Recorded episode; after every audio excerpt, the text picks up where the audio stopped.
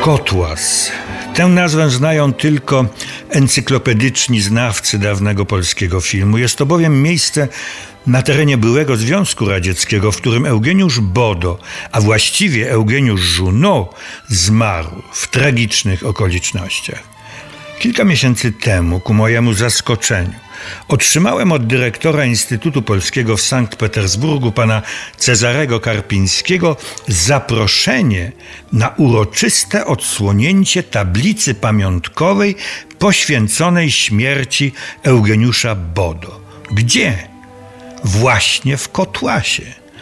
Przyjąłem to zaproszenie z wdzięcznością, zdumieniem, radością i pewnym niepokojem. Wdzięczność wynikała z faktu, że pamiętano o moim szczególnym, trwającym już prawie 50 lat, zainteresowaniu życiem i tragicznym losem Eugeniusza Bodo. Zdumienie brało się stąd, że nie przypuszczałem, i to w najśmielszych marzeniach, że taka tablica, i to gdzie, zaistnieje. Radości nie muszę chyba tłumaczyć. Natomiast pewien niepokój wywołała świadomość mojego niezbyt promiennego stanu zdrowia, ale przede wszystkim spojrzenie na mapę Federacji Rosyjskiej i umiejscowienie owego kotłasu.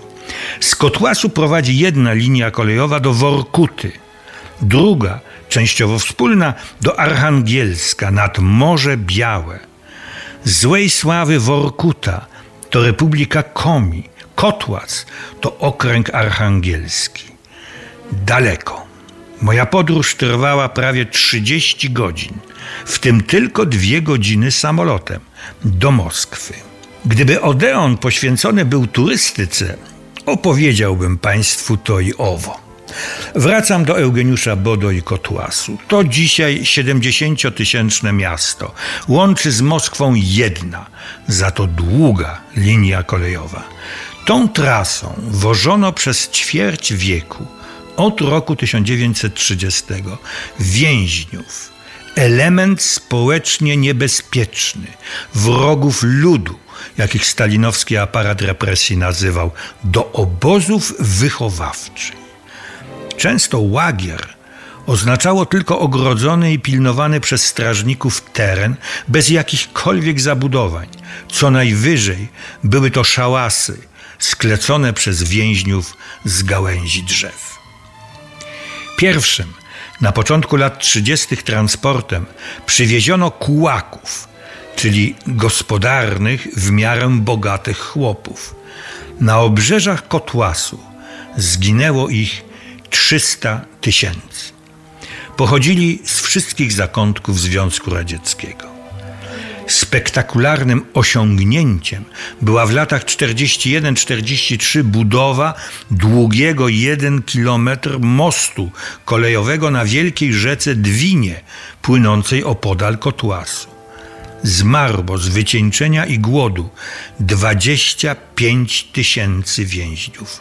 Rosjan, Polaków, Finów, Niemców, Ukraińców, Kazachów i wielu innych. Byli wśród nich liczni uczeni, naukowcy, lekarze, duchowni, oficerowie. Wokół Kotłasu tworzono coraz to nowe obozy. Powstało prawdziwe zagłębie łagrowe. Ta ziemia przesiąknięta jest łzami, potem i krwią setek tysięcy, jeśli nie milionów niewinnych ludzi. Na niektórych zbiorowych mogiłach dla zatarcia śladów budowano osiedla mieszkaniowe. Trasą z Moskwy przez Jarosław do Kotłasu, którą jechałem, wieziono na przełomie września i października 1943 roku Eugeniusza Bodo z więzienia Butyrki do punktu przesyłkowego w Kotłasie, w którym rozdzielano więźniów do poszczególnych obozów.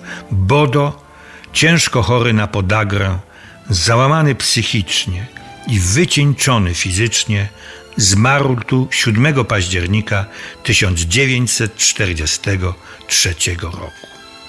Minęły dziesięciolecia.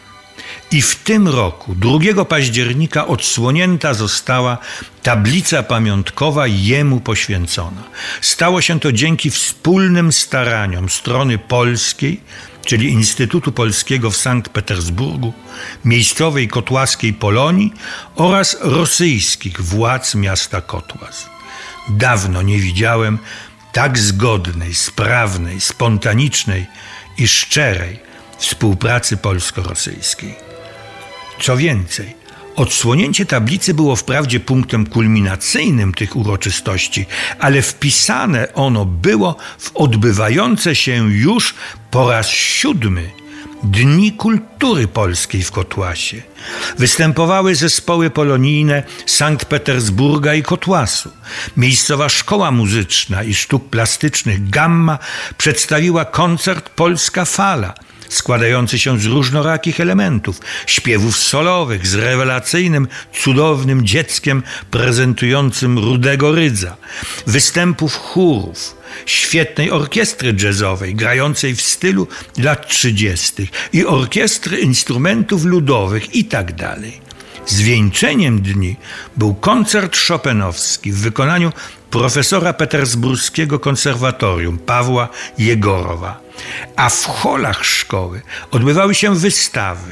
Jedna fotografii Krakowa i Warszawy, wykonanych w bardzo oryginalnej technice. No i część filmowa projekcję dwóch filmów współczesnych, innymi głośnego Rewersu oraz trzygodzinny program dedykowany Eugeniuszowi Bodo. W tym niezwykłym miejscu opowiedziałem o twórczości i dramatycznym życiu Eugeniusza Bodo, a widzowie obejrzeli z zachwytem jedną z najlepszych jego komedii, Piętro Wyżej. Dla wielu było to pierwsze spotkanie z tym polskim artystą, który zakończył swe życie w ich mieście w tak tragicznych okolicznościach. Przepraszam, że dzisiaj wystąpiłem w charakterze dziennikarskiego sprawozdawcy, ale czasami warto się rozejrzeć trochę szerzej wokół siebie i wyjść poza utarty krąg.